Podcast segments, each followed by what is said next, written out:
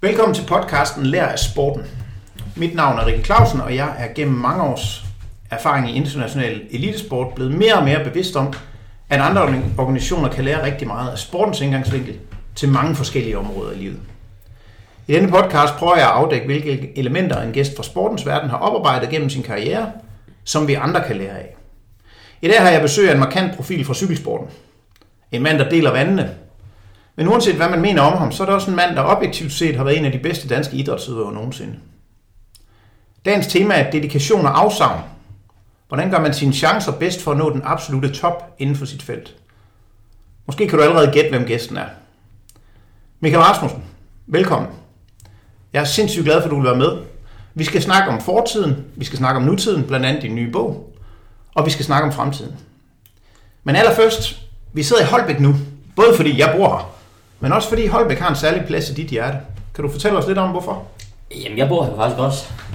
Og, øh, og det er også det sted, hvor jeg, øh, hvor jeg har haft min, min ungdom. Jeg gik i øh, gymnasiet i Holbæk, og har været medlem af, af Holbæk Cykelklub nu i noget, der minder om, om 35 år. Øhm, og faktisk også det sted, hvor jeg, hvor jeg købte mit første hus for godt og vel 20 år siden, inden jeg flyttede fra Danmark. Så øh, det er et af de steder, hvor jeg, hvor jeg ved, at jeg altid kan komme tilbage. Det er sådan en, en tryg havn, og det var så også det mest oplagte sted at, at slå sig ned nu. Så kyllingen fra Tølløse, det, det holder rent faktisk vand? Det er ikke bare fordi, du var med til et løb i Tølløse? Nej, det er faktisk tæt på, øh, at, øh, at det holder, holder ret meget vand. Altså, jeg, øh, jeg har jeg har trådt min barnecykelsko på de her kanter. Når man læser din, øh, din nye bog, Udbrud, den kommer vi meget mere tilbage til, men, men noget af det, der slår mig, det er, at du snakker meget om de her tidlige valg, altså valg, du foretog som meget ung rytter faktisk. Hvad tror du, de valg, de valg har betydet? Har de været afgørende for, hvor langt du er nået? Nej, det, det tror jeg simpelthen ikke. Altså, jeg har jo øh, relativt tidligt øh, stødt på en masse konflikter, fordi at jeg var, var måske sådan en, et, et misforstået barn i virkeligheden. Altså, hvor at, øh, at det var svært for for måske trænere, og for lærere og, og kammerater at forstå, at jeg havde lyst til at dedikere så meget tid, øh, så ensidigt som jeg gjorde. Øhm, og, øh, og, og det, det, det tror jeg, det, det, det gav nogle, nogle knupser undervejs og, og nogle konflikter, men, men jeg er ikke sikker på, at det har været afgørende øh, for, hvordan jeg blev senere hen. Det har nok i virkeligheden været noget, noget iboende. Mm. Det er jo tidlig specialisering. Og alle snakker jo om, at man skal ikke specialisere sig for tidligt, hvis man skal være god til noget. Nej, men det, altså man kan sige, i mit tilfælde, det gav ret meget af sig selv, fordi at jeg, det var ikke fordi, jeg ikke prøvede andre sportsgrene. Altså jeg har, øh, jeg har spillet badminton, og jeg har spillet fodbold, og jeg har spillet håndbold, og jeg har spillet bordtennis. Og, og dyrket atletik og spillet øh, tennis, og skulle også gået til dans og svømning og gymnastik, som mine forældre de var ved at købe så fat i, i, øh, i kontingenter. Øhm, og på et eller andet tidspunkt, så sagde de til mig, nu, nu skal du lige til at, at skære lidt fra, og det var egentlig det var meget naturligt for mig. Og, og det passede meget, meget fint med, at, øh, at fodboldtræneren han ringede og fortalte dem, at, øh, at jeg nok i virkeligheden var bedst egnet til en individuel sport. øhm, så, øh, og det, det skete altså, inden jeg fyldte 8. Så det var sådan et meget naturligt valg, og der stoppede min fodboldkarriere så også, da jeg var 8 år gammel. Men hvad, hvad sagde han da? Jamen, han, øh, han, sagde, at, øh, han sagde sådan ret bogstaveligt til dem, at jeg tror, det er bedre, Michael han har en individuel sport at dyrke. Um, og der er ikke nogen tvivl om, at det, øh, at det var en, en slet hentydning til, at, at jeg egnede mig ikke rigtig inde på et, et fodboldhold, fordi jeg kunne simpelthen ikke være i, at de andre 7-8-årige drenge, de blev trætte og satte sig ned og hævde græstotterne. Jeg, jeg blev så øh, forbandet. Um, så, øh, og, og, det, og det luft meget, meget fint i tråd med, at, at badmintontræneren også ringede til dem og sagde, at det gik simpelthen ikke. De havde en mand på banen, der kastede gæsterne efter modstanderen, og han tabte. Øhm, og ja, det, altså, der er ikke nogen tvivl om, at jeg er en, en sindssygt dårlig taber. Øhm, og det har så øh, også manifesteret sig både på, øh, på fodboldbanen og på øh, en badmintonbane. Men der er jo stadigvæk et fællesskab på et cykelhold. Ja, men det er jo noget, man først kommer ind i langt senere, og jo i virkeligheden noget, som, som man bliver tvunget ind i. Fordi at øh, et langt, langt stykke hen ad vejen, så er det her jo en individuel sport. Nu er der, der er sket et skred hen over, over tid, og nu øh, er holdene, de bliver organiseret både ned i, i ungdomsrækkerne, altså i, både i, som junior og som ungdomshold. Øhm, det var der ikke på daværende tidspunkt. Altså der var øh, det i, i den grad en, en individuel sport. Øhm, Helt ind til, at, øh, at man blev seniorrytter i virkeligheden. Og, øh, og når man så bliver seniorrytter, jamen, så skal man jo ikke være i tvivl om, at, øh, at de folk, der er der, de er der jo ikke på grund af, af kammeratskabet.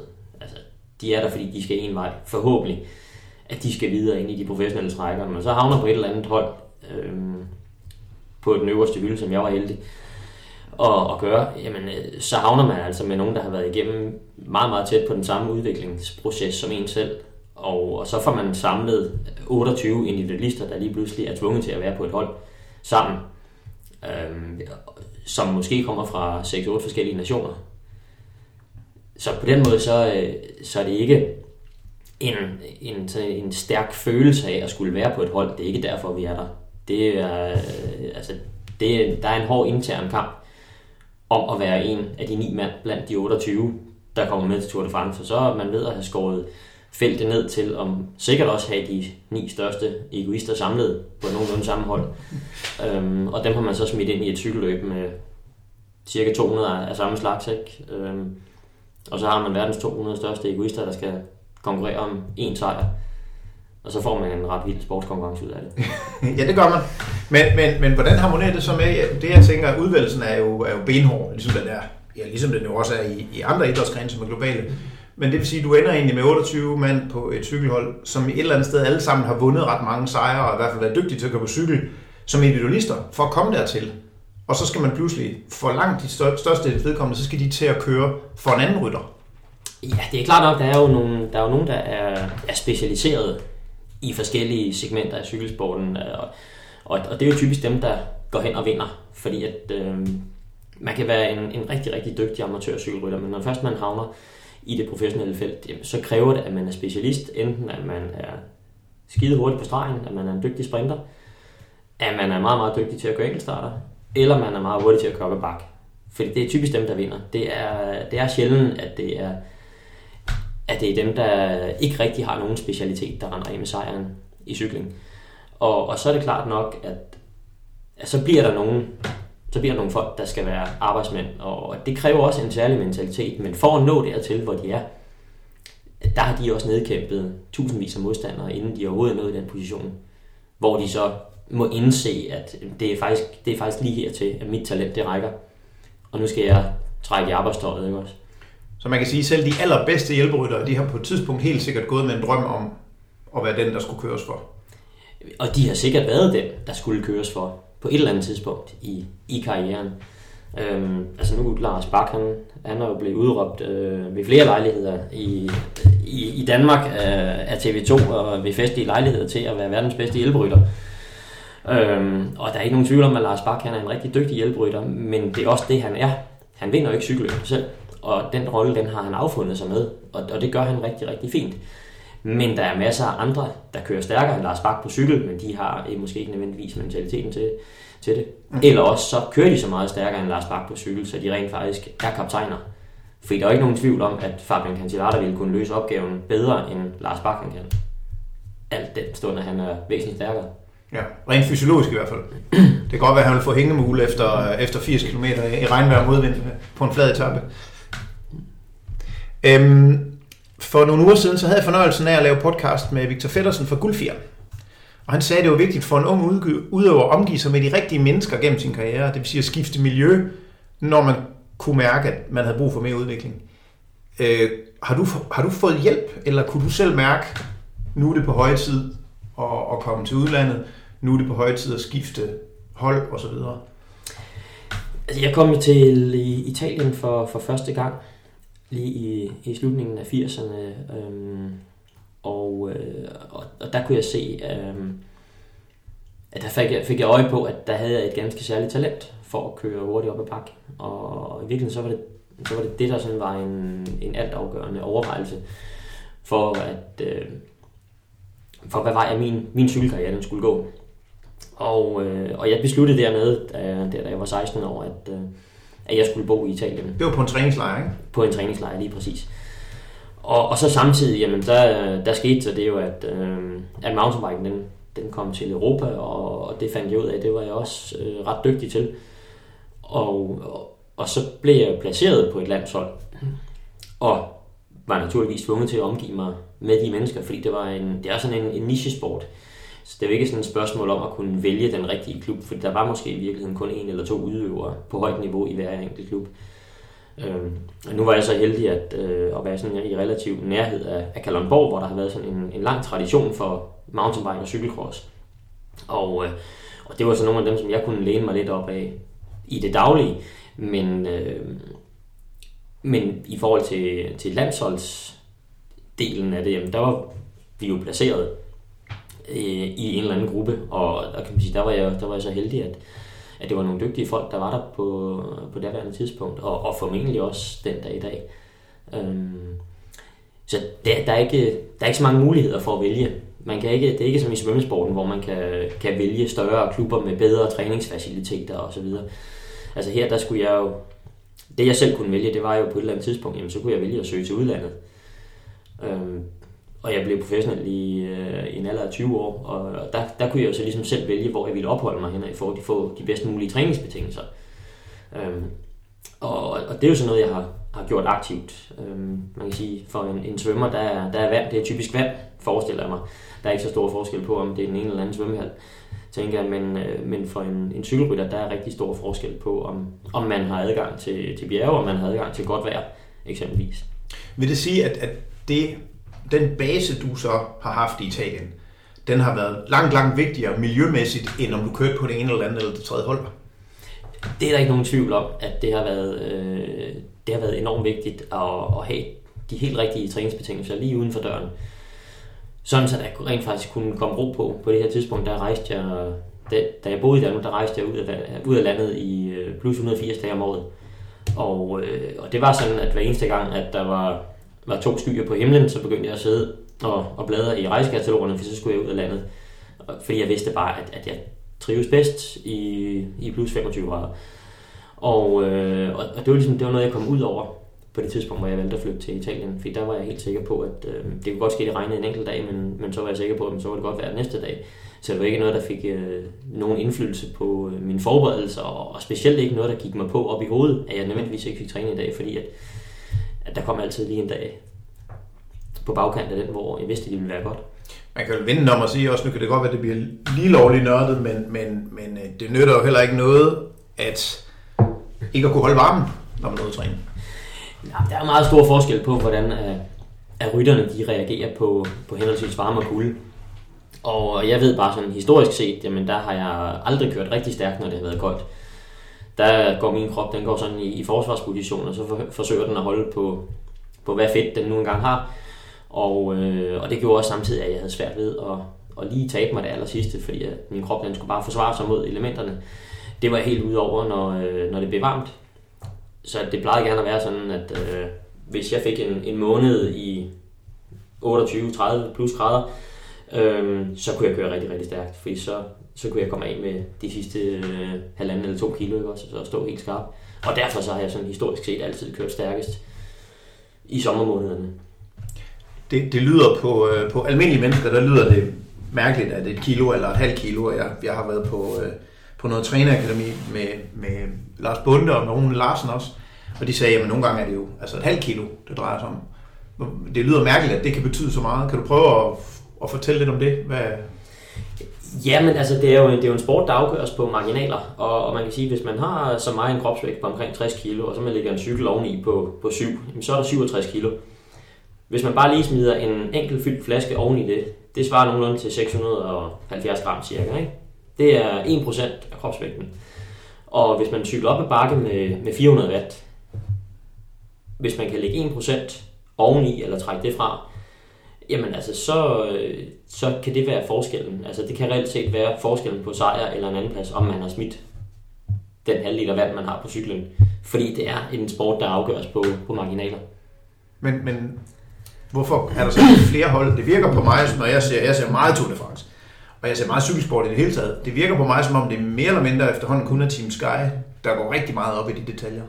Eller stadigvæk kun er Team Sky, der går rigtig meget op i de detaljer. Og så nogle enkelte rytter. Jeg tror i virkeligheden, det har rigtig meget at gøre med, at, øh, Sky de har, de har formaliseret det og fortalt historien, øhm, og så har opfundet det her øh, begreb, som, som der er en hel del, der, der griner lidt af, der hedder marginal gains. Mm. Øhm, og i virkeligheden, så, så synes jeg jo, at rigtig mange af de ting, som de gør, jamen det var noget, som jeg gjorde for, for 15 år siden. Øhm, altså i virkeligheden blot tænke mig grundigt om, og, og man kunne også vælge at bare kalde det for, for sund fornuft. Øhm, ja. Altså det, øh, det behøver ikke at ophøjes, altså banaliteter behøver ikke at ophøjes til at være atomfysik. Øhm, altså det giver rigtig, rigtig god mening, at man rejser rundt med sin egen hovedpude i kufferten, hvis man skal på 18 forskellige hoteller i løbet af tre uger. Øhm, og det giver rigtig, rigtig god mening, at man får smidt de, de fyldte vandflasker, inden man skal op ad det sidste bjerg, fordi at man kan altså ikke få, få tømt en liter vand på vej op af en stigning på en halv time, hvis man sidder med, med puls 190. Ja. Der er, en, øh, der er en af de allerbedste svømmere nu, Kolesnikov fra Rusland. Han svømmer rygcrawl, det vil sige, at han er neddykket langt det meste af, af tiden i sin løb, i hvert fald på kortbanen, og han svømmer altid med en stor guldhalskæde. Og jeg, og jeg, jeg er ved at brænde sammen inden i hver gang. Altså, hver gang, at, at de viser et billede af ham, så er jeg sådan, prøv nu at høre, altså, hold nu op. Altså, man bliver helt... Øh, man, det, det er vel lidt ligesom, når, du, når man ser, uden sammenligning i øvrigt, men når man så ser øh, overvægtige mænd sidde og diskutere, om de skal købe en ny sadelpind, der vejer 200 gram mindre. Ikke? Altså, det forestiller mig, at vi har heldigvis ikke motionssvømmere, som, som vi sådan stifter bekendtskab med i dagligdagen, som kan irritere os i svømmeverdenen. Men jeg tænker, at du ser nogle ting blandt de her motionsryttere, hvor du også engang må tænke, ah, Ja, altså, og, og ved du hvad, det, ja, jeg trækker på skuldrene, ikke også, og, og tænker, hvad I skulle måske bare tage og, og spise en kande sovs mindre, ikke også? Øhm, men hvis det er det, der bringer glæden ind mm. i, i sporten, og det er, jo ikke en, det er jo ikke en sport for dem, der handler det jo om, om aktivitet. Altså, mm. det er jo det, vi, det skal vi heller ikke... Øh, altså glemme at skælne imellem, fordi der er ved Gud øh, himmelvid forskel på, og, på idræt og på sport øh, i den sammenhæng. Og, øh, men, men altså, øh, det er da fuldstændig korrekt, at jeg kan da også øh, blive helt spedalsk, når jeg øh, ser ryttere ligge og køre rundt med, jeg ved ikke, hvor mange guldhalskæder hængende om halsen på vej op af, af bjergene. Altså, jeg, jeg, tog, jeg tog min kæde og hvilesesring af, øh, fordi jeg, og jeg havde faktisk vejet det. Altså, jeg vidste, at der var lige præcis metal for for 35 gram i, i det, jeg nu, nu engang gik rundt med, når jeg øh, gik rundt til daglig. Og tænkte, det var da helt åndssvagt at skulle ligge og køre rundt med det. Det er måske forskellen på, om man bliver god og bliver rigtig god, om man tænker sådan. Ja, altså, det er i hvert fald øh, et, et, et eksempel på, at det, øh, jeg tror godt, det kan betale sig at, at vende alle stenene i forhold til, øh, til optimeringen. Fordi der, der er jo rigtig mange ting, som, øh, som man godt kan tage fat i og, og optimere på. Altså, og det er jo det, som i virkeligheden at Sky de også gør, Team Sky. Øhm, de sørger for, at det er jo ikke kun kaptajnen nødvendigvis, der kører rundt med keramiklejer i, i cyklen, der sparer måske 3-4 watt i rullemodstand. De sørger for, at det er hele holdet, der har det, fordi at, at hjælperytterne, de skal også være klar dagen efter.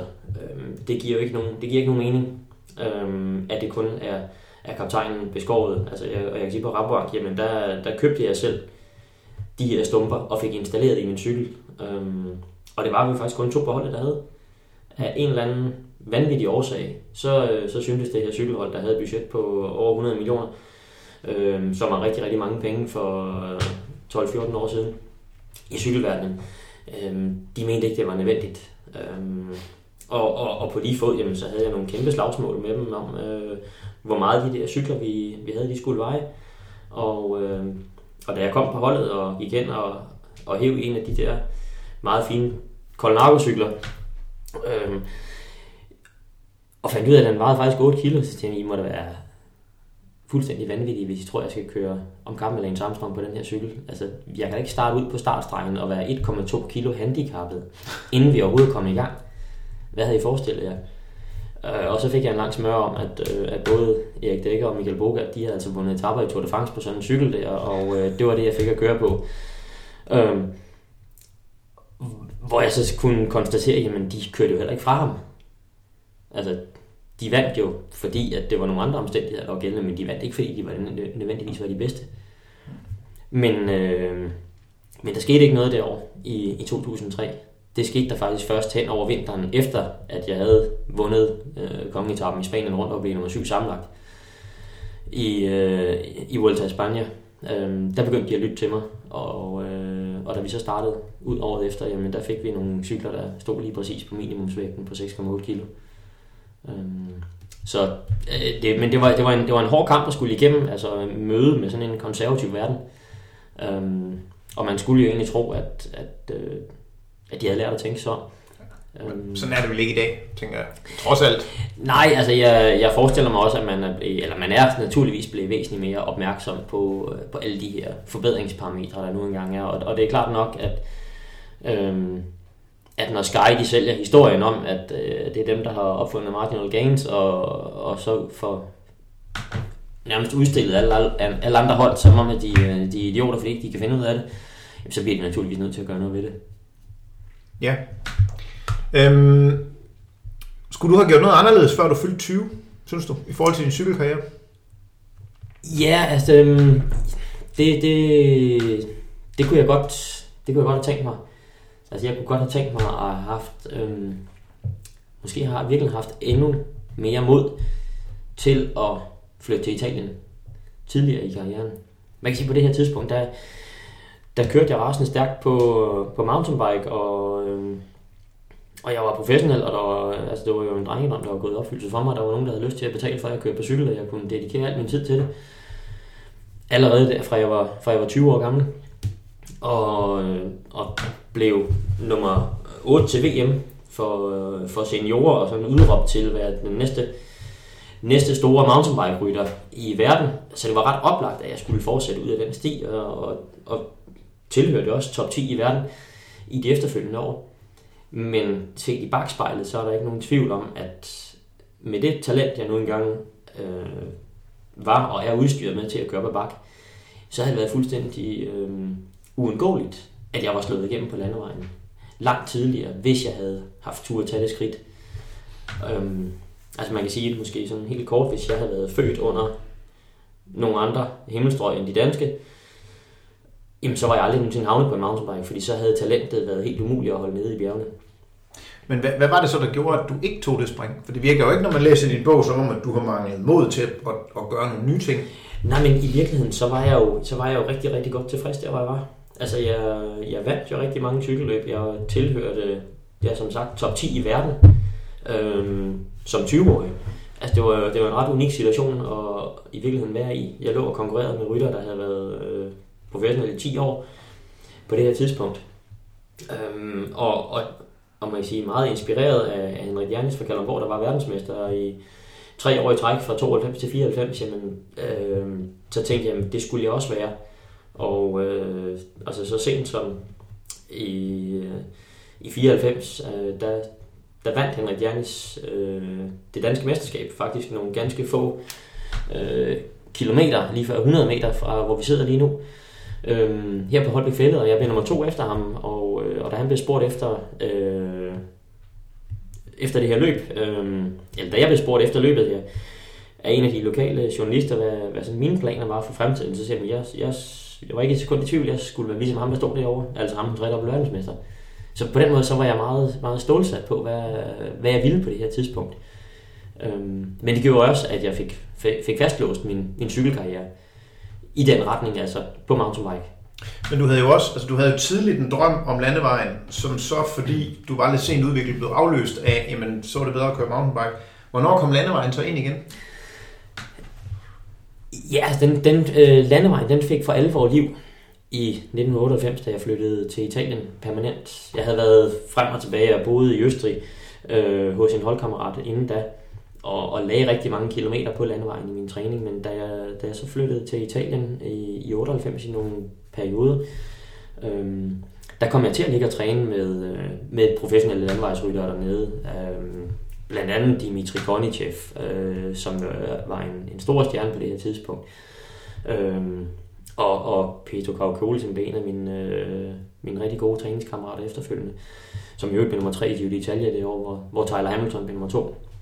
Øh, og der kunne jeg jo se, at jeg kunne være med dem, altså, og, og jo ved, ved de fleste lejligheder faktisk kørte fra dem, når vi skulle køre op ad bakke. Så der begyndte, øh, der begyndte landevejstrømmen jo igen at få, få rigtig meget næring. Øhm, og der var, jeg, der var jeg blevet 24. men jeg, jeg, øh, jeg var stadigvæk sådan en, en relativt højt lønnet mountainbike-rytter, så det, var, det ville være et stort skridt at tage på det her tidspunkt. Øh, men jeg forsøgte at komme ind på, på nogle landevejshold dernede og køre det som sådan semi-professionel. I, I nogle få løb, hvad der nu kunne, kunne lade sig gøre, hvad der var tilladt i henhold til, øh, til de regler, der nu engang eksisterede. Fordi du kørte mountainbike samtidig og levede af det? Ja, men det var, det var sådan virkelig mere kompliceret end, end som så. Det var nemlig noget med, at der måtte maksimalt være to udlændinge på cykelholdene dernede, på de her øh, semi-professionelle hold. Mm. Øhm, og, og de havde allerede fyldt op. Så det var sådan ved, ved særlige lejligheder, jeg kunne få dispensation til at køre med. Øhm, men, men det gjorde i hvert fald, at jeg fik, øh, fik rigtig meget lyst til det, og jeg, jeg kunne se på min, altså min træningsindsats, den, øh, den var på det her tidspunkt jo nærmest fordelt sådan 90-10, altså 90% af min tid, den, den brugte jeg på landevejscyklen. Og det, det gik bare over at blive mere og mere, indtil jeg skiftede øh, 100%. Øhm, der er jo ikke nogen tvivl om, man skal jo ikke have fulgt dig ret meget for, for at vide, at der, der er blevet lagt ret mange timer i, øh, i sadlen. Og øh, at da jeg, øh, da jeg læste øh, din bog, der, der stussede jeg over, at du, du gør noget ud af at sige, at du synes, at der er for mange mennesker, der ikke kan komme ud af deres komfortzone. Øhm, og, og jeg vil godt lige citere fra bogen. Du skriver, i Danmark er vi præget af en kultur, der gerne ser børn og unge dyrke idræt, men ikke for meget. Vi er de mange interessers og distraktioners land. Alt med måde, siger vi. Og det gælder også i forhold til sport, der helst ikke må blive for ensporet i gåsøjne. Vi bekender os til den hellige almindelige breddeidræt. Vi elsker bredde, folkelighed og gemytlighed. Succesen den er fin nok, men vi vil gerne lege os til den. Vi vil improvisere og overraske. Hele ideen om det lejende kreative menneske står umådeligt stærkt side om side med forestillingen om velfærdsstaten som verdens 8. vidunder. Der er ikke noget så kært for os danskere som Lego-klodsen, eventyret om Klodshans og parolen om, at alle fortjener en chance til. Det er alt sammen udmærket, men det er træningens pligt, det hårde slid og viljen til at gå helt til stregen, der bereder de største sejre. Øhm, så jeg er jo enig i dig, eller enig med dig i, at det hele skal helst være rart og hyggeligt. Øh, nogle gange så synes jeg, at vi gør meget ud af at hylde middelmådigheden i Danmark. Men hvor meget tid kan man egentlig tilbringe uden for komfortzonen? Fordi når jeg læser din bog, så virker det som om, at der er foregået rigtig meget af din tid uden for komfortzonen.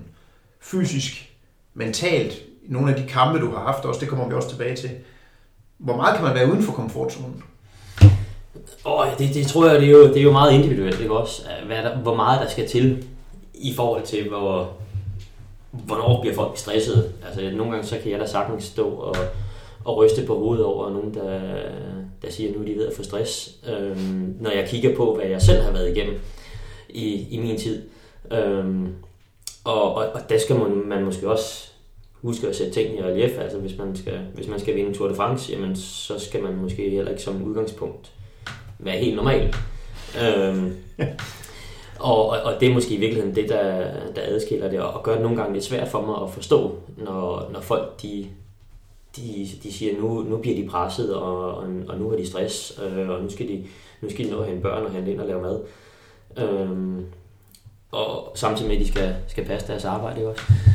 Øhm, men, men sådan for at, at, at vende tilbage til, til det, du det læste op der, jamen altså, så, øhm,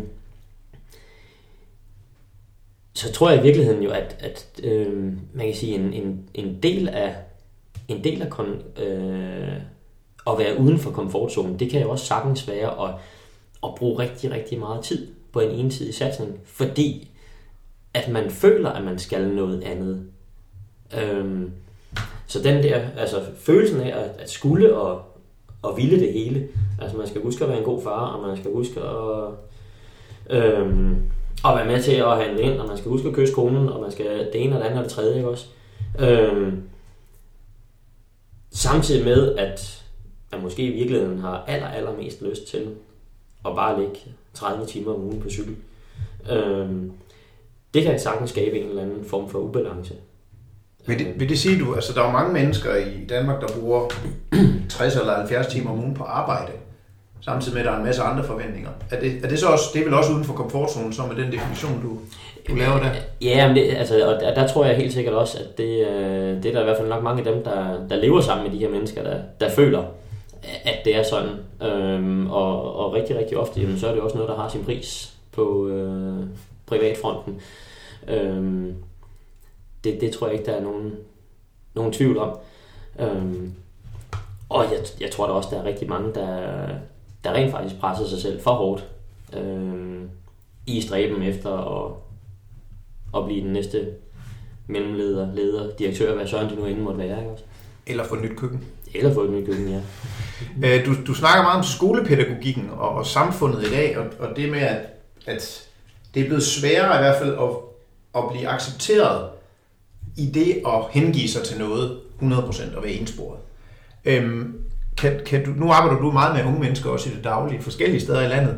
Kan du prøve at beskrive lidt mere, hvad, altså ser du også det i dem, at de gerne vil det hele på en gang, og ikke er specielt fokuseret på lige en eller to ting?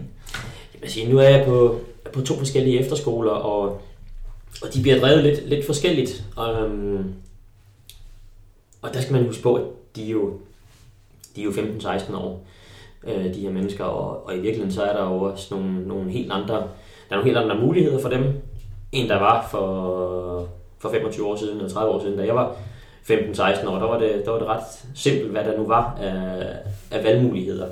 Og afsavnene, de var, øh, de var nemmere at spotte. Lige nu der er så mange, øh, så mange valg for de unge mennesker, men, men jeg kan sagtens savne, at, øh, at der er en større vedholdenhed, inden at man slår op i banen og giver sig i kast med noget andet. Øh, men, men det tror jeg, det er nu engang bare sådan, øh, at det er. At, øh, og, og det ses jo, det ses i hvert fald i sportsverdenen, sådan på tværs af idrætsgrenen, at lige præcis den aldersgruppe er enormt svær at fastholde. Uanset om det er cykling, fodbold, svømning, hvad søren det er. Det er altså på tværs af idrætsforbund, jamen der, der sker et meget, meget stort frafald i de her teenageår. Øhm, og det, det tror jeg simpelthen ikke, at det er, det er nyt i virkeligheden. Altså, de, de teenageår har, har nok altid været en periode, hvor at, at sportsfolk har været skrøbelige øhm, for, for alle mulige andre påvirkninger. Ikke også? Øhm, men man kan sige sådan fra, øh, fra ledelsesmæssig øh, side af, der, der, der forsøges der at rumme de her elever, der rigtig gerne vil. Øhm, mm. Altså, fordi vi må jo ikke have en elite efterskole. Øhm, men øh, men vi, vi siger, at vi har plads til eliten. Øhm, og, og, og der er det hele tiden sådan et spørgsmål om at få lavet en balance mellem, hvornår er, er nok nok, sådan så man tilfredsstiller eliten, men, men stadigvæk ikke skubber bredden ud. Og, og det er måske i virkeligheden den, den aller, aller fineste kunst lige der i, i det tidsrum. Og man kan sige, som, som cykelrytter, jamen, der er jo ikke nogen karriere, der bliver forpasset, fordi man kun får trænet fem gange om ugen, når man er 15 år gammel. Nej. Der er rigtig meget tid til at blive rigtig, rigtig god til det, og der er også rigtig meget tid til at blive træt af det. ja, især det sidste i regnvejr. Øh, men men det, det er jo selvfølgelig også svært for atleten selv. Nu kan man sige, du siger, det er svært for ledelsen på en efterskole. Det kan jeg sagtens forstå. Men for atleten selv, hvis du skulle råde unge sportsfolk, altså hvornår, hvornår skal man være ligeglad med omverdenen, og så bare sige, nu kører jeg? Altså, er der noget, man kan gøre? Kan, hvordan kan man mærke efter på sig selv, at nu, nu vælger jeg det her? Jamen, altså, jeg har jo nogle øh, elever, som, øh, som nærmest dagligt øh, punker mig for, at jeg skal lave træningsprogrammer til dem. Mm. Og jeg siger, det her venner, det kommer ikke til at ske. Øh, fordi lige nu der er I, en, I er sådan en udviklingsfase. Og uanset hvad Søren I laver lige nu, der bliver I bedre til at køre på cykel. Lige meget om I kører forlæns, baglæns eller sidelæns. Så bliver I bedre mere eller mindre hver eneste gang, I sætter jer på cyklen. Øh, fordi hvis I vil have hård træning, jamen så kan vi, så kan vi køre benhård betontræning øh, tre gange om ugen, og, og så når jeg bliver træt af mig, inden ja. vi når april måned. Og det er ikke det, der er formålet. Øh, så det er hele tiden sådan en, en afvejning, øh, afvejning af, hvor, øh, hvornår er, er nok nok. Ikke? Og, og der kan jeg da gudskelov sådan henvise lidt til, til min egen tid, altså hvor jeg faktisk var ved at, at smide håndklæde i ringen der, da jeg var, var 15 år, øh, fordi at lige pludselig så kom resultaterne ikke bare ind, altså uanset hvor meget jeg trænede at der er, der er en, en naturlig udvikling, der skal på plads først. Så, så for det beskriver du også i bogen, at da resultaterne de stoppede med at komme, og der gjorde du det, som mange nok vil, vil synes var mærkeligt, men som jeg har faktisk også haft nogle svømmer, der har gjort gennem tiden. Du stoppede ikke op, du simpelthen så skruede bare på træning. Øhm, hvor højt nåede du op der i træningsmængde, før du så tænkte, okay, nu kan jeg ikke skrue mere? Altså, fandt du en fysisk grænse, eller var det også noget mentalt, hvor du tænkte, det kan ikke passe, at Ja, ja det, der er ikke nogen tvivl om, at det var den, øh, det var den mentale barriere, jeg stødte mod først der. Fordi det, altså, det, det giver simpelthen ikke mening, det her. Altså, øh, jeg, jeg lå og trænede sammen med, øh, med en, en rytter her fra, fra Holbæk, øhm, som tilfældigvis var 15 cm højere end mig og 15 kg tungere. Og han trådte mig i stumper og stykker på trods af, at øh, jeg trænede dobbelt så meget, som han gjorde. Øhm, altså, det gav simpelthen ikke nogen mening for mig på det her tidspunkt at, øh, at, at forøge træningsmængden yderligere. Øhm, og og der, der var jeg nødt til sådan lige at skifte spor for en, en stund. Øhm, og begyndt at, at dyrke lidt, øh, lidt triathlon. Det var trods alt lidt sådan i samme, i samme boldgade, og, og jeg havde været sådan øh, semi-elite-svømmer som barn, så det, øh, det passede egentlig fint nok, at jeg kunne sagtens løbe stærkt. Øhm, så jeg blev sådan relativt hurtigt god til det. Men der gik ikke ret lang tid, så var jeg tilbage igen på cyklen på, på 100%.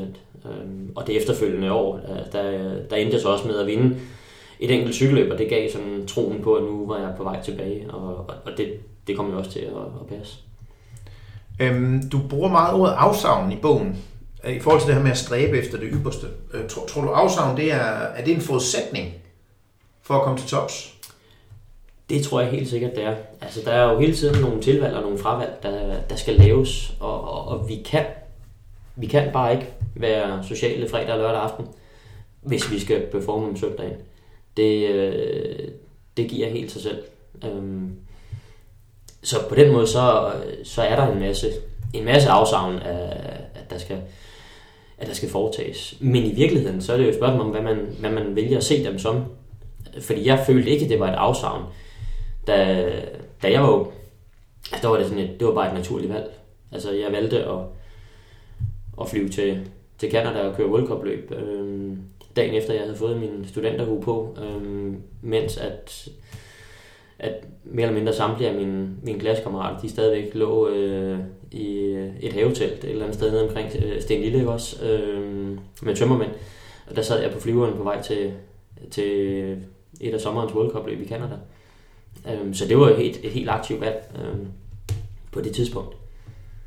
Øh, du skriver i bogen, at du mener, at alle skal øve sig i at komme til kort så man ved, hvad man skal gøre i de afgørende situationer for ikke at komme til kort. Tror du, at almindelige mennesker, du ved, almindelige mennesker, som ikke kører 35.000 km om året på cykel, kan man overføre det også til et almindeligt liv, at man skal øve sig i at komme til kort? Altså, det, det handler jo virkelig om at finde ud af, hvad det er, man er god og dårlig til. Øhm, og så kan, man jo, så kan man jo vælge at fokusere på, på det, man er dårlig til, eller også kan man vælge at fokusere på noget af det, man er god til. Øhm, og, og der tror jeg da helt sikkert på, at, at det giver da langt mest mening at, at holde fokus på det, man er god til, og så blive endnu bedre til det. Og så lad det, man er, er halvdårlig til, eller dårlig til, jamen så lad det ligge. Så lad nogle andre tage sig af det. Det vil sige, når man har prøvet noget af og er kommet til kort, og kan se, at det er ikke ret god til, så søg væk fra det. Altså man kan sige, det, nu, nu, øh, nu kommer det an på, hvornår i sådan en udviklingsfase, at man, at man finder ud af, at man kommer til kort. Øh, det er klart nok, hvis man finder ud af, at man er fuldstændig talentløs til at spille fodbold, eller øh, lave matematik, jamen så kan det godt ske, at man skal søge en anden vej. Øh, det betyder ikke, at man skal smide håndklædet første gang, man ser, man ser en andengradsligning. Øh, fordi selvfølgelig skal der lægges en indsats, inden, at, øh, inden, man, inden man giver sig selv lov til at, at stoppe med at forsøge. Men at blive ved med at ramme panden mod muren for den samme forhindring, det er der ikke nogen, der får noget godt ud af. Hvis, øh, hvis vi lige skal, og nu når jeg siger almindelige mennesker, så, så gælder det jo i virkeligheden lige så høj grad mig selv, men hvad vil overraske almindelige mennesker mest, hvis de fik lov til at følge dig en uge i foråret 2007? Åh, oh, for søren. Øhm, jeg, jeg, jeg tror, at det vil... Øh, altså ensidigheden i dagligdagen, den vil nok overraske gevaldigt. Øhm, altså, hvor måske i virkeligheden, hvor, hvor kedeligt at livet var øh, på det her tidspunkt. Øhm, ikke forstået på den måde, at, at jeg ikke var glad og tilfreds, for det var jeg da i den grad, fordi jeg lavede lige præcis det, jeg elsker allermest. Øhm, men, men alt det fungerede bare efter et, øh, et helt fastlagt schema. Øhm, og der var ikke rigtig nogen, øh, der var ikke rigtig nogen afbræk øh, i den hverdag. Og det er simpelthen ikke noget, der adskilte sig voldsomt fra, 2005 og 6 og 3 og 4, hvad sådan der lå forud for det. Det er i virkeligheden en, en lang, lang overrække. Øhm, på den måde så, øh, så var 2007 ikke sådan altså sønderligt specielt, kan man sige. Så hvordan så sådan en dag ud? Jo, men altså den har jo øh, fungeret på den måde, at, at jeg stod op og, øh, og så spiste jeg havregrød, øh, som jeg gjorde hver evig eneste dag. Mere eller mindre året rundt. Og det, det gjorde hele familien i øvrigt. Øh, så min, min søn, øh, han er vokset op med, med at få havregrød øh, hver dag. Og, øh, og så kørte jeg afsted sådan typisk ved en kvart over ni, halv tiden, øh, for at mødes måske med en træningskammerat, eller måske tage ud og køre alene i et eller andet sted mellem 4 og 7 timer. Øh, og, og typisk så ville det være sådan, at hvis jeg kom hjem efter 4, jamen så, så ville øh, min, øh, min daværende kone, hun ville så stå og kigge på mig og sige, hvorfor så er du allerede hjemme nu? Øh, altså, hvis du skal, hvis du skal vinde Tour de France til sommer, jamen, så er det altså ikke nok med fire timer. Øhm, og så vil hun sådan meget konsekvent gå over og så nøjes med at veje 100 gram pasta af til mig i stedet for 125. Øhm, men, på, men på en god dag, jamen, så vil jeg være afsted på cyklen fra, fra klokken halv 10 til måske klokken øh, halv 4-4 om eftermiddagen. Øhm, og så gå hjem og lægge mig, øh, efter jeg har spist. Hjem og lægge mig og, på sofaen og få sat et par, øh, sådan et par elektrostimulatorer på benene, og så kunne de sidde, og, og det fungerede sådan ganske fint som massage, så, så kunne jeg ligge nede på sofaen i øh, en time eller et andet, øh, og dø selv, og så øh, og muligvis være en, en lille smule selskabelig i forhold til, øh, til min søn på, på det andet tidspunkt, der var halvandet år gammel. Øh, og så, så ellers så flytte mig, når, når der var lavet mad, sådan hen omkring øh, 8-tiden. Øh, og, og det var virkelig sådan, at, at dagligdagen den så ud. Og så en gang hver, hver fjerde dag, så var der måske tid til, at vi kunne tage ud og handle sammen. Øh, eller vi måske kunne tage ud og spise, øh, eller et eller andet andet. Ikke? Øh, men jeg har ikke været sådan verdens mest selskabelige at være sammen med. Og der var vel også noget med noget restitution? Ja, ja, og det er jo så også på, på fjerde dagen, kan man sige, at det, at det foregik. Øhm, for typisk så havde jeg tre hårde træningspas, og så en hviledag. Og så efterfulgt af tre dage igen. Var der, var der en forskel fra, fra, det var ikke nogen hemmelighed, at, at der var andre hjælpemidler end kun cykel og sund kost engang for dig, og ja, for alle de andre rytter også. Kunne du mærke tydelig forskel på restitutionstider og sådan nogle ting fra før doping og så til efter doping? Ja, det kunne jeg sagtens. Øhm, altså i, i virkeligheden så, øh, inden jeg begyndte på at at tage øh, præstationen fra middel, der kunne jeg mærke, at øh, der gik faktisk ikke et eneste år, hvor ikke jeg på et eller andet tidspunkt hen over året kom i overtræning. Øh, for der, øh, altså, der balancerede kroppen hele tiden sådan et, et knivsæk. Øh, og det skete jo meget, meget typisk, når jeg kørte aller, aller stærkest. Så havde jeg altid lige lyst til at give en lidt ekstra, og så skulle der meget, meget lidt til, før jeg faldt ud over kanten. Og så dumpede jeg ned, og så gik der måske tre uger til en måned, inden at jeg var inden min krop den havde restitueret til at komme tilbage igen. Og, og det var noget, jeg kom fuldstændig ud over efterfølgende. Det var, øhm, det var fordi jeg, i virkeligheden der en af de største fordele var? Ja, men det, man sige, det var den ene, det var den ene fordel. Også. Den anden det var også, at jeg blev trods alt også klogere med tid, når jeg blev bedre til at planlægge min sæson. Jeg blev mere specifik. Så det blev også sådan, at i, i takt med, at man kan sige, jeg skruede op for, for medicinforbrug, jamen så skruede jeg op for træningen samtidig med. Sådan så jeg blev aldrig rigtig, øh, på den måde så blev min krop øh, mindre presset, end, øh, end den havde været øh, de tidligere år. Øhm, når vi nu snakker afsavn og dedikation, så kunne jeg godt tænke mig at spørge dig om noget, som jeg har tænkt på, siden jeg læste Turbladet i 2007, eller var det i 2008, det var nok året efter, hvor der var et billede af dig ved lægetjekket to dage før starten i 7, 6 eller 7. Ja, eller øh, hvor man kan se altså de brune arme og sådan en helt, helt hvide, helt afpillet krop. Altså, hvordan taber man 400 gram på en krop, der har en fedtprocent på 4?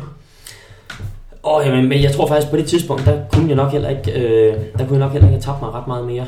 Øh, der var jeg nok i virkeligheden så, øh, så trimmet og trænet, som jeg overhovedet kunne blive. Både i, øh, i 5, 6 og 7. Der, der tror jeg, der, der lignede min krop i virkeligheden ret meget hinanden, hver eneste gang jeg stillede til start i Tour de France. Der synes jeg ligesom, der havde fundet, der havde sådan fundet formlen, ikke?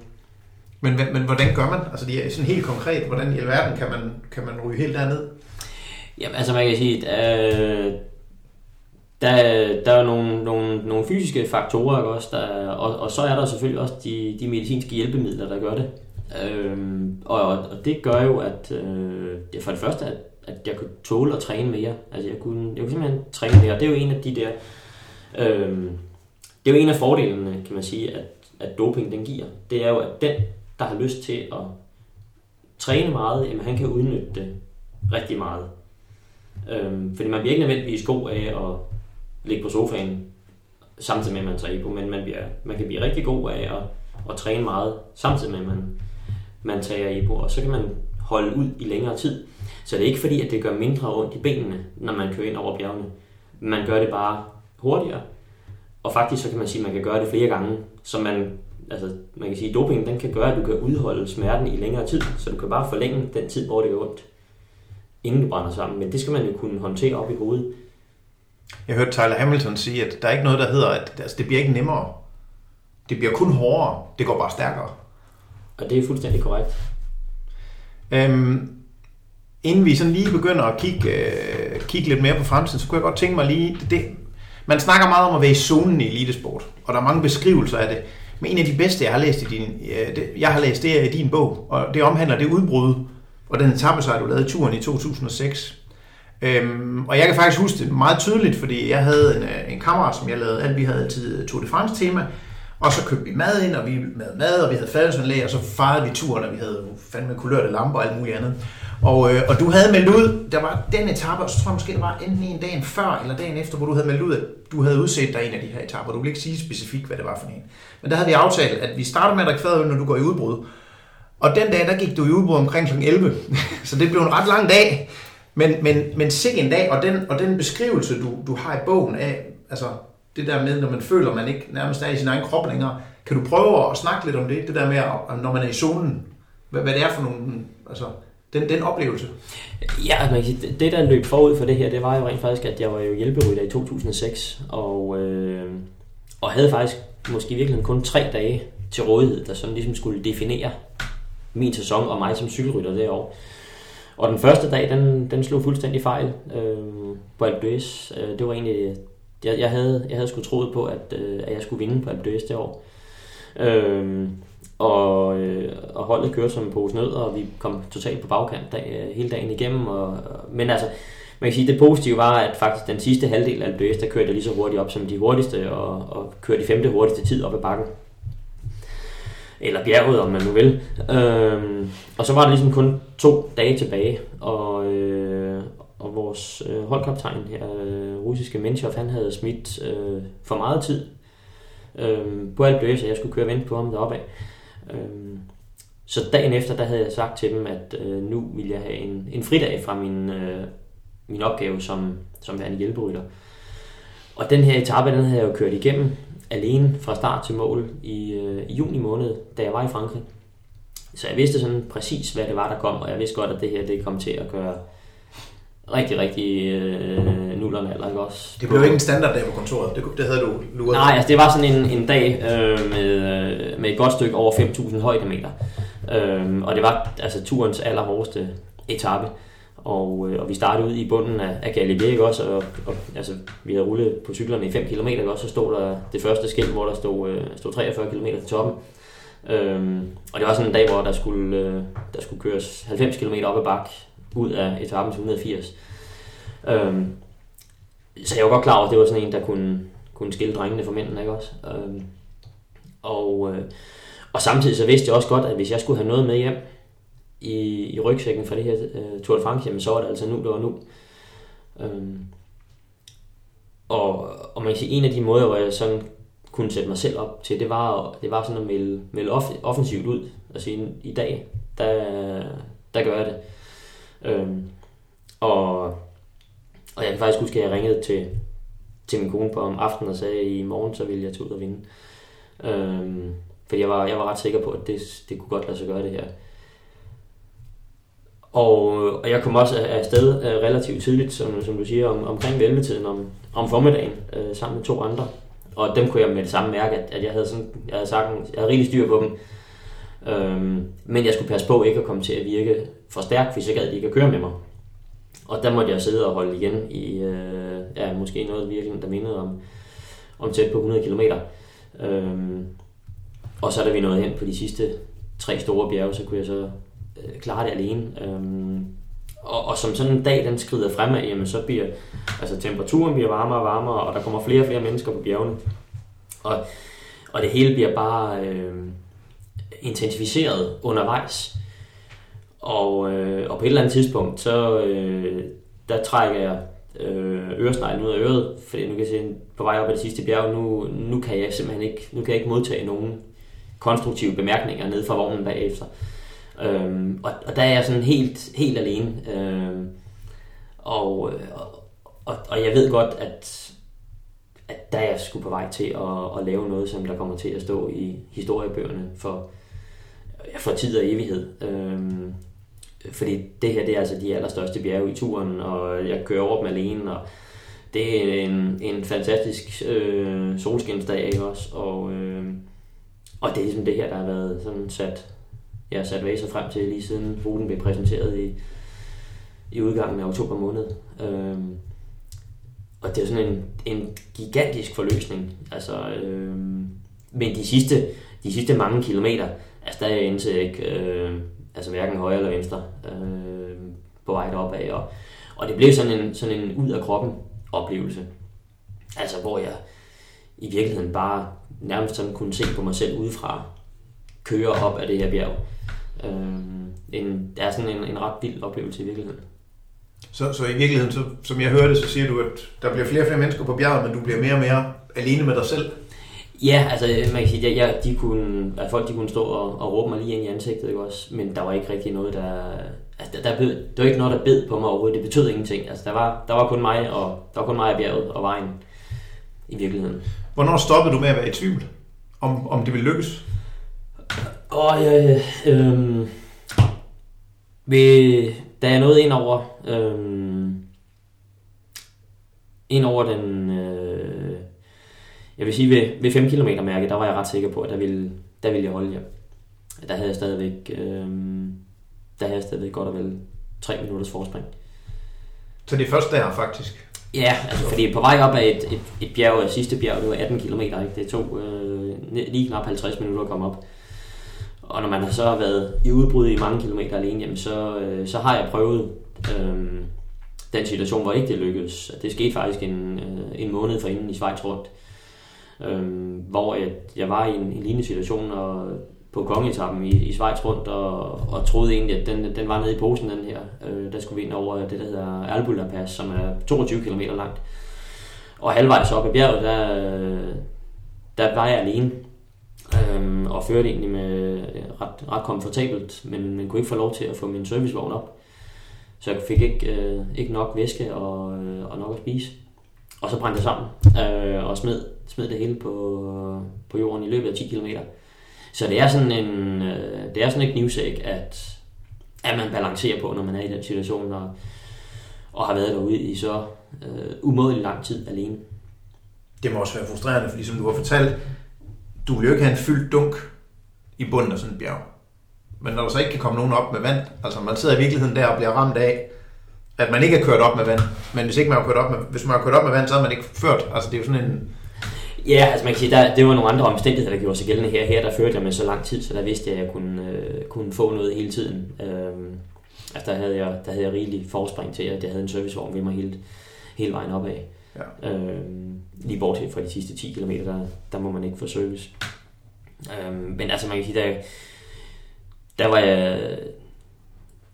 Der, jeg, var, jeg havde ret stor, øh, ret stor tro på, at jeg skulle nok nå, nå hele vejen mål. Eller jeg vidste i hvert fald, at de skulle køre rigtig, rigtig stærkt for at indhente øh, mig på vej op ad det sidste bjerg. Ikke?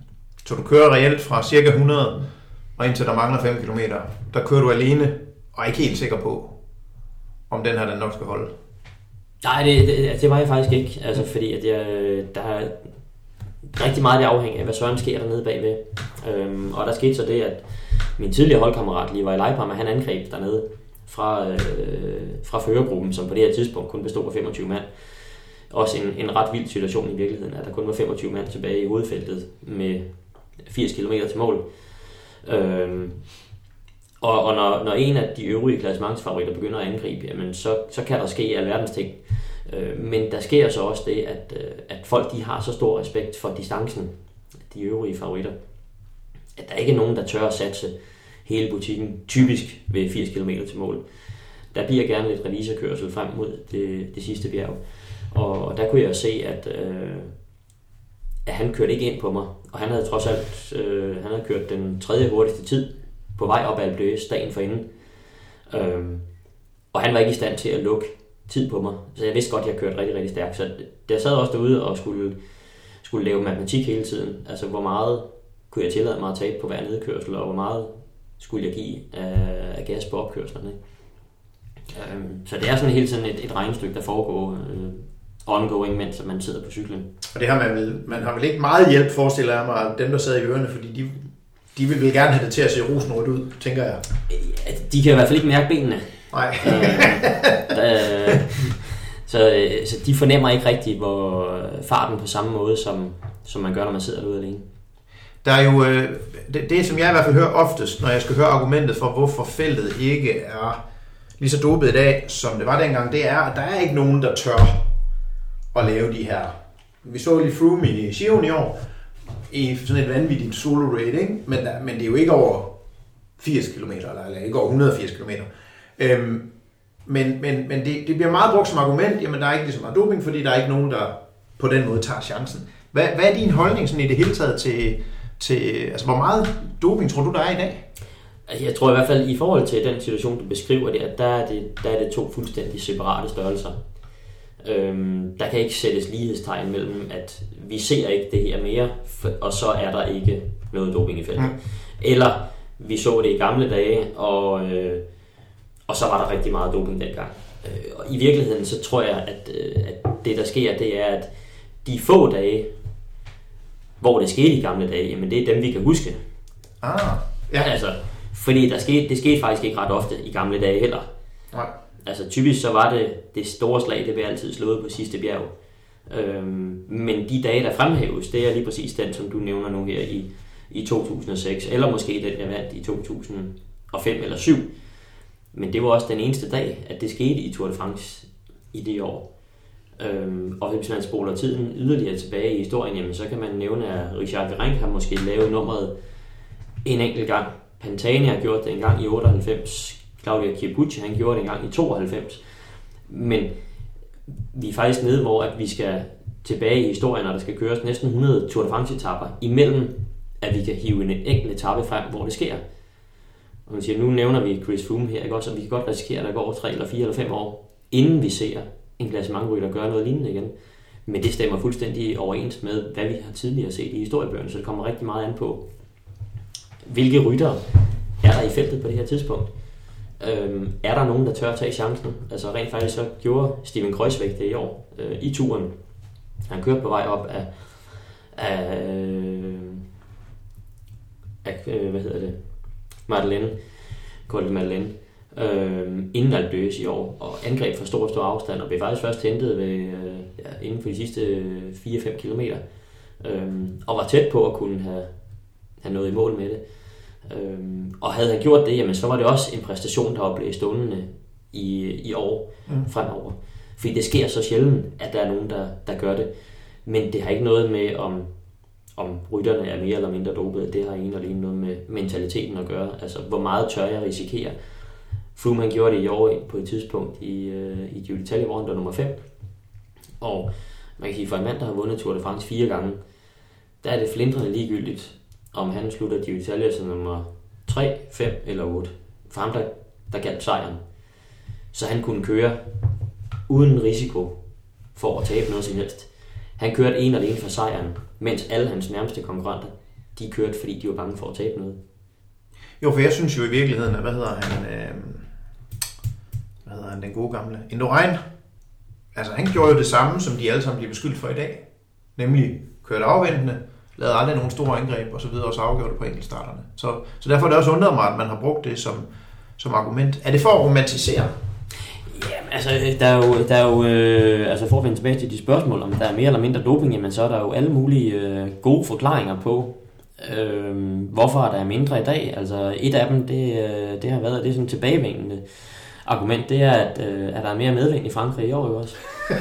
øh, og, og, og, det er jo svært at lige at trække lidt på smilbåndet det, men der er i hvert fald et argument, som jeg køber 100%, og det er, at, øh, at aerodynamikken den er forbedret helt enormt øh, på den enkelte rytter. Og det vil jo sige, at hvis aerodynamikken den er forbedret øh, med, hvad ved jeg, 10% på den rytter, der ligger og fører feltet an, øh, så giver det en enorm gevinst. Mm. og så følger alle de andre med efterfølgende. Men man skal huske på, at det er de forreste rytter, der bryder vinden for feltet. Så er det meget nemt at sidde på hjul, og det er ligegyldigt om farten den er 38 eller 40 km i timen, så er det ikke nogen sag. Men for dem, der skal sidde op foran, der har det enormt stor betydning. Øhm, den aerodynamik der, altså fordi at, øh, at modstanden, det, vindmodstand, det er den allerstørste faktor. Det er den største kraftanstrengelse, der skal øh, nedbrydes, når man cykler. Og modstanden, den vokser med, med kvadratet på frontarealet. Øh, så hvis, hvis det er, er mindre og, og mere aerodynamisk, øh, og det ser vi jo øh, på, dels på cyklerne, dels på deres tøj og på deres hjelme, øhm, så er der en, en meget, meget stor gevinst at hente der. Altså jeg ville da ønske, at jeg havde været så klar tænkende for 12 år siden, øhm, og havde benyttet mig af det, også i, øh, i landevejsløb, ikke blot på enkeltstarter. Men, men hvis du så skal svare helt specifikt på spørgsmålet, hvor meget doping er der så i feltet i dag, sammenlignet med for 10 år siden? Jamen, altså, jeg, jeg, jeg tror, der er mindre. Øhm, jeg tror også, der er noget... Jeg tror, der er anderledes fokus på det. Der bliver sikkert taget langt mindre EPO og brugt langt mindre bloddoping, end der blev for, for 10 og 15 år siden. Øhm, til gengæld så tror jeg, der bliver brugt langt mere kortison. Øhm, det er sådan noget af det, der, der gør, at rytterne de meget nemt taber sig i vægt. Og, øh, og den gennemsnitlige kropsvægt på rytterne, den er er faldet markant. Det er meget tydeligt at se, at det er et meget, meget tyndt felt, der er derude. Og det er en af de øh, meget gavnlige effekter, at, øh, at konditionen har. Um, at den æder simpelthen fedtmassen øh, fra kroppen, når man, når man træner meget, uden at nedbryde muskelmassen. Så det er noget, man gør out of competition, kan man sige? Det kan jo gøres både øh, uden for konkurrence og i konkurrence, alt afhængig af, om du har et, et certifikat eller ej. Øh, der er nogle der er nogle regler, som der meget, meget nemt kan omgås, øh, uden risiko for, at, øh, at man bliver taget i det. Kan man blive top 5 i turen i 2019, uden at være dopet i en eller anden form? Åh, oh, det vil jeg jo øh, ønske, at jeg bare lige kunne sige, øh, sige ja til. Øh, men altså, man, hvis man husker at kigge i historiebøgerne, så, øh, så er det jo altid en, øh, en kamp op ad bakke for, for de rytter, der kører, fordi de har altid historikken, øh, cykelsportens, øh, altså jo over, over 100 år i historik med doping imod sig. Øh, og, og det skal man jo bare huske på, altså, og, og så kan man jo så kan man jo begynde at skælne til andre sportsgrene. Hvordan ser det ud der? Øh, og der er ikke noget, der tyder på, at cykelsporten nødvendigvis er bedre end dem, i hvert fald. Nej, Nej jeg tænker også, at øh, Altså, når der er så meget fokus på cykelsporten, så tænker jeg, at det er mærkeligt, at, øh, at der slet ikke var nogen fodboldspillere i den der Puerto-sag. Eller det var noget med, at der lige pludselig forsvandt 200 prøver for fodboldspillere fra La Liga. Ja, det, det, det er jo en helt anden sag. Men altså, jeg tror sådan, hvis man sådan skal, skal prøve at, at være lidt skarp på det, så, øh, så kan man sige, jamen så længe at der er muligheder mm. for at forbedre, uden at man risikerer at aflevere en positiv test for det, jamen så vil der være nogen, der gør det. Og alt den stund, at, uh, at bloddoping stadigvæk ikke kan spores, jamen så, vil det, så må man forvente, at der er nogen, der gør det. Øhm, alt den stund, at man kan misbruge kortison øhm, og insulin og en masse andre ting. Astma, medicin. Så må man forvente, at der er nogen, der gør det. Øhm, de her mennesker, vi ser inde i fjernsynet, det kan godt ske, at de er fysiske supermænd, men det betyder altså ikke, at de er moralske supermænd. Øh, der er de bare mennesker på godt og ondt, ligesom alle os andre. Der var en amerikansk undersøgelse for mange, mange år siden, hvor de havde spurgt, jamen det var rigtig mange øh, sportsfolk, hvis de kunne være sikre på at vinde. Jeg tror det hed, hvis de kunne være sikre på at vinde og være den bedste i verden i deres sportsgren de næste fem år, og så til gengæld ikke leve mere end de fem år. Men de blev ikke taget. Mm. Hvor, mange, om, hvor mange der så ville sige ja til det, og det var over 40 procent. Og det siger jo lidt om, kan man sige, at man lever i sin, den der osteklokke. Og så... Ja, ja, jeg synes, at det er jo, øh, det er jo meget, øh, det er meget fint, du refererer til den undersøgelse, men, øh, men Men faktum er, at, det er en, at den undersøgelse er faktisk en skrøne. Nå, Det er en, øh, en rigtig, rigtig god vandrehistorie. Øhm, der er ikke nogen, der kan referere til, hvor de har set den undersøgelse henne. Øh, men, Jamen, den så er er, det på høj tid, vi får det opklaret. men den er blevet genfortalt rigtig mange gange. Øhm, og, og, og tallene forholder sig faktisk øh, slet ikke sådan. Okay, det er jeg glad for, Øhm, at du kan, du Så kan lys så, over. det, så det er faktisk ikke sådan, at de fleste ville bytte en, øh, en OL-guldmedalje ud med, øh, med kun at leve 10 år mere. Mm. Øhm, og, og det er jo faktisk meget fint, at det...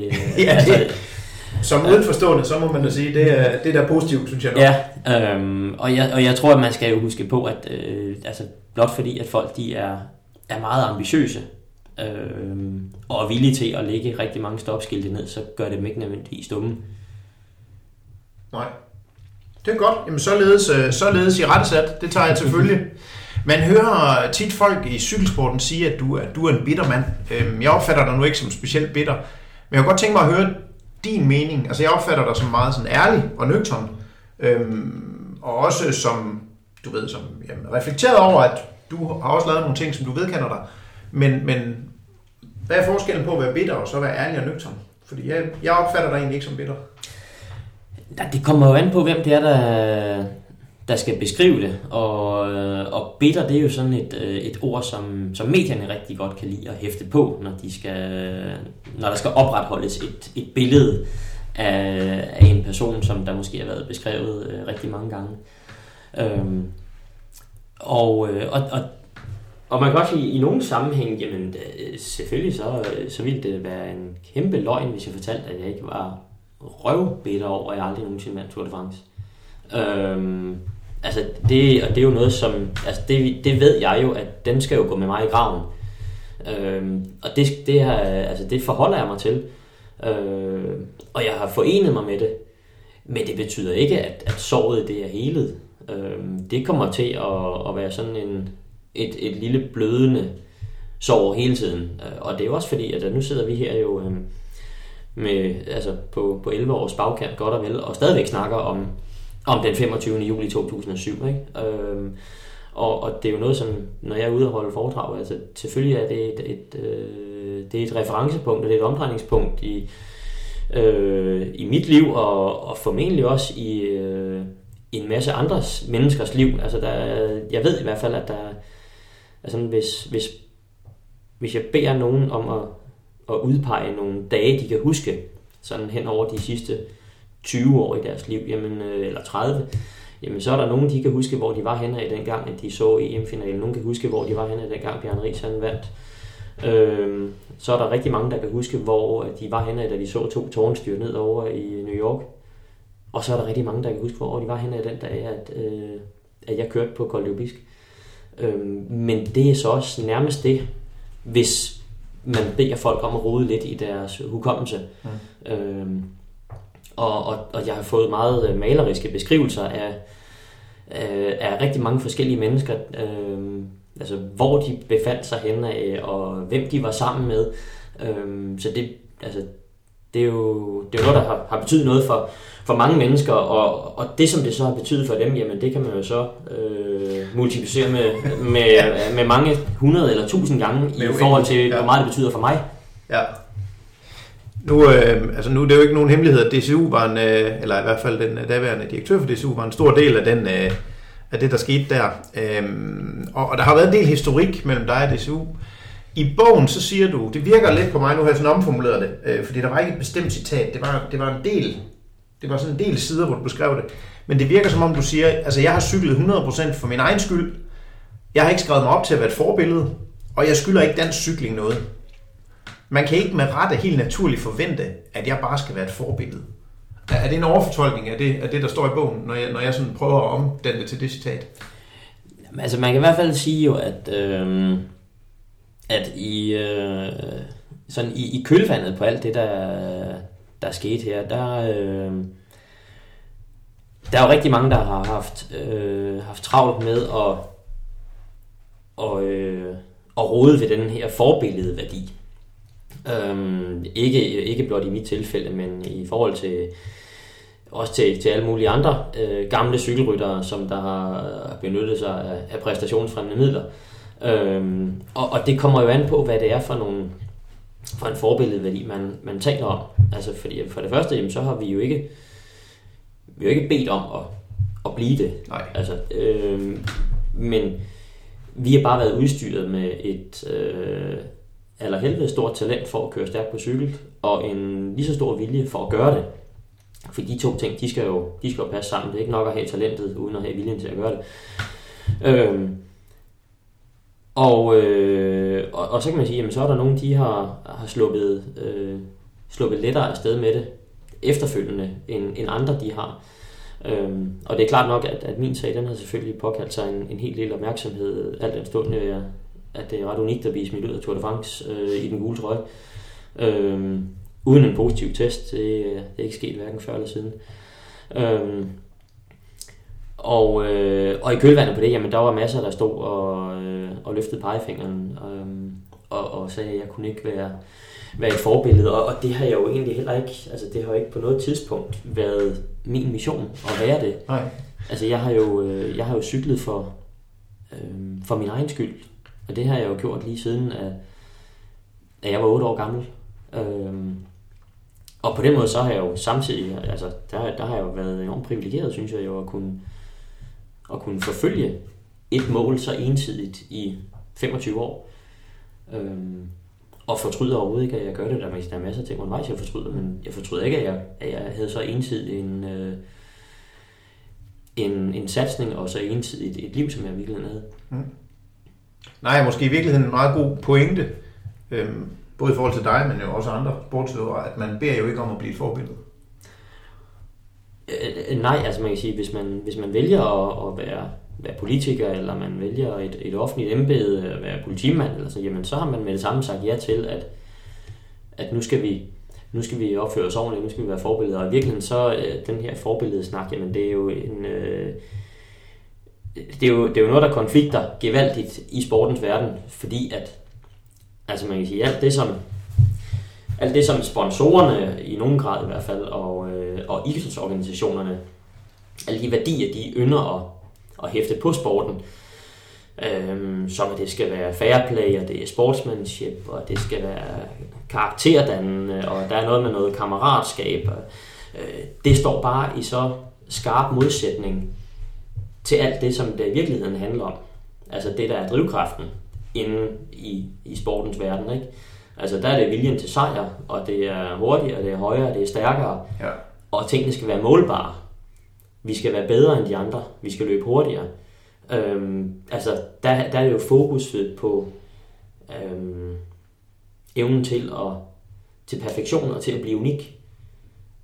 Og det har sgu ikke meget med, øh, med den rummelighed, som sportens øh, idrætsorganisationer de påhæfter. Og i virkeligheden så er det jo nok måske en, en ret klar skældning mellem, hvad der er, er idræt og hvad der er elitesport. Øh, fordi der er øh, gået død med langt fra kæmpesving og, og landstævner og hulhopringen til Tour de France. Kæmpesving, landstævner og hulhopringen. Ja, så fik vi også lige sat øh, bredt lidt i perspektiv.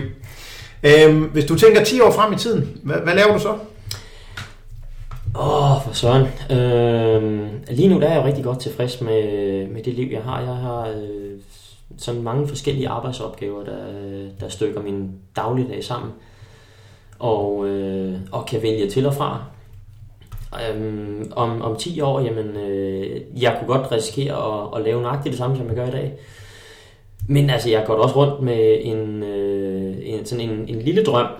Øh, om at skulle øh, have et meget, meget stort cykelhold på et eller andet tidspunkt. Øh, men, men tiden skal være moden til det, og, øh, og hvis det nogensinde kommer til at ske, jamen så vil det øh, så vil det være noget, der skulle være et, et meget langstrakt projekt, sådan så jeg selv kunne få lov til at være med til at bygge tingene op helt fra grunden. Øh, så det ville kræve nogen, der havde lyst til at skrive en meget lang check. Øh, for at det kunne lade sig gøre. Så ikke det her med fra år til år at gå ud og finde sponsor, som, øh, som den gode Bjørn Ries jo døjer noget med? Ja, nej, det, øh, det ville ikke være, øh, være vejen at gå. Altså det ville være nogen, der skulle, altså i lighed med mig selv, det sig for en, femårig periode, eller noget i den stil. Øh, så, øh, men, men det er noget, som der har været lidt på tegnebrættet. Jeg har, har haft nogle, nogle snakke med nogen, uden at det har øh, udmyndtet sig i noget konkret. Mm. Øhm. Spændende. Så har du jo et, øh, du er også lidt boligspekulant. Du, er jo, du har jo ved at bygge lejligheder nede eller sidst nede i Italien. Hvor, hvorfor lige Hvorfor lige der? Det kunne have været mange steder. Ja, men altså, man kan sige, det er jo noget, som, øh, som der fulgte med, da jeg skulle igennem en, øh, en skilsmisse dernede. Der var en, en bodeling, og, og så endte jeg med at få øh, det jordlod der, og, øh, og det passede lige præcis til, at der kan, der kan opføres øh, sådan et lille, et lille lejlighedskompleks dernede med, med 10 lejligheder. Øhm, så det bruger jeg selvfølgelig også en, en, en del energi på lige i øjeblikket. Og hvis man er glad for at cykle, så er det, så er det stedet at være? Så er det, så er det et rigtig, rigtig fint sted at være. Øhm, det er årsagen til, at, at jeg valgte at bosætte mig der i første omgang, det er rent faktisk, at, at der er ikke noget bedre sted på jorden at køre på cykel. Øh, og det mener jeg øh, sådan øh, helt oprigtigt, fordi på det tidspunkt, hvor jeg valgte at bosætte mig lige præcis der, jamen der havde jeg faktisk været jorden rundt indtil flere gange og kørt på cykel alle de de skønneste steder i verden. Øhm, og der er faktisk ikke noget sted, der, der byder på, på de muligheder, som der er lige præcis der. Fedt. Og det er købelejligheder, ikke? Jo, det er det, ja. Øhm, hvor, kan man, hvor kan man læse mere om det? Åh, oh, jamen det kan man, det kan man inde på min Facebook-side. Øh, en gang imellem, så, øh, så spammer jeg dem, der nu følger med derinde. Øh, men altså, man skal jo være lynhurtig. Øh, de, de ryger. Der er rift om dem. Der, de, nej, det, jeg kan ikke påstå helt, de går som varme brød, men der, og, og, og alt den stund, det er et, et, et lille projekt, så, øh, så er der ikke så mange at tage af. Øh, men, øh, men der er der en 6-7 lejligheder tilbage nu. Men hvis man er interesseret, så kan man godt få nogle, øh, man kan godt få nogle cykelruter med i købet også. Ja, det kan man godt. Det kan man godt, og man kan også godt få nogle anvisninger til nogle gode flasker vin dernede. Okay, det er jo det er to gode ting. hvis, vi skal, hvis vi skal perspektivere en lille smule her til sidst, øh, hvilke, hvilke elementer øh, fra sportens verden tænker du, at en erhvervsleder kan tage med sig? Altså, der er jo øh, sådan de... Øh, altså, nogle, nogle af de rigtig gode læresætninger, det er jo det der med, at vi skal ikke forvente, at der kommer øh, resultater her nu. Det her, det er det, er det lange seje træk, altså det er vedholdenheden, der er, der er dyden. Øh, fordi at, øh, at vi ved jo, at, at, øh, at vilje slår talent til enhver lejlighed. Øhm, altså man kan være nok så dygtig, men hvis ikke at øh, man har viljen til at, at holde ved, jamen, så er det fuldstændig ligegyldigt. Og det er måske i virkeligheden det, som der, der måler ens reelle potentiale, ikke også? Det er, hvis, øh, hvis viljen den bliver, den bliver ganget med, med talentet, øhm, så har man øh, potentialet for, hvad, hvad ting kan blive til. Så, øh, så det er jo, og, og i sportens verden, der, der opererer man jo med de der 10.000 magiske træningstimer. Øhm, og, og dem tror jeg, sådan, dem kan man nok tage med sig mange steder hen i livet i virkeligheden. At øh, hvis man skal være rigtig, rigtig dygtig til noget, altså uanset om, øh, om, om det er at køre på cykel, som, som jeg gjorde, eller det er at spille tennis som Wozniacki, eller spille golf som Tiger Woods, jamen så er, at, at 10 år med, med 1000 træningstimer om året, det er nok et meget godt mål for, hvad der skal til for at, at blive verdensklasse nu kan man sige, ude i den, i den virkelige verden, jamen der er jo trods alt plads til, øh, til lidt flere dygtige revisorer, end, end der er plads til dygtige cykelryttere og, og, og dygtige ja. tennisspillere. Øhm, og, og der er også plads til lidt flere dygtige advokater, så man behøver ikke nødvendigvis at være, være verdens bedste, så det er muligt, at man, kan, man sagtens kan få en fornuftig tilladelse op og køre med, med færre end, end 10.000 timer. Øhm, men man skal i hvert fald øh, holde sig for øje, at øh, der er ikke noget, der sker hen over natten. Men så både i forhold til sig selv, men også i forhold til sine medarbejdere, så, øh, så lad det være de sidste ord, øh, Michael, øh, at uh, kigge på dem, der vil, i stedet for dem, der kan, eller måske nærmere dem, der tror, de kan. Det er i hvert fald en, en, en rigtig god, øh, god læresætning, som, som jeg tog med mig meget tidligt i, i livet, at det er, øh, det var, da jeg lå og, og hørte, hørte mentaltræning, øh, kassettebånd, øh, i midten af 80'erne, der, der var det sådan noget med, at øh, jeg vil, jeg kan, jeg tør. Det er langt bedre end jeg må, jeg skal og jeg bør. Øhm, hvis, ikke man kan, hvis ikke man kan sige ja til det, så, øh, så bliver det svært at nå i mål. For så bliver det den ydre motivation i stedet for den indre motivation, der bliver drivkraften.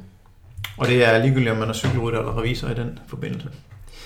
Tak for din tid, Michael, og tak for mange store oplevelser. Det har været en fornøjelse det at snakke med en mand, der engang var verdens bedste cykelrytter. Og, øh, og til dig, kære lytter, tak fordi du lyttede med. Lær af Sporten er tilbage med flere interessante gæster fra sportens verden, og du kan høre podcasten på iTunes, på SoundCloud, på Spotify, og du kan også følge med på Facebook, Lær af Sporten, og på hjemmesiden, den hedder rikkiklausen.dk. Hvis du har en idé til en spændende gæst fra sportens verden, så skriv til os på Facebook eller på e-mailadressen på hjemmesiden. Vi høres ved.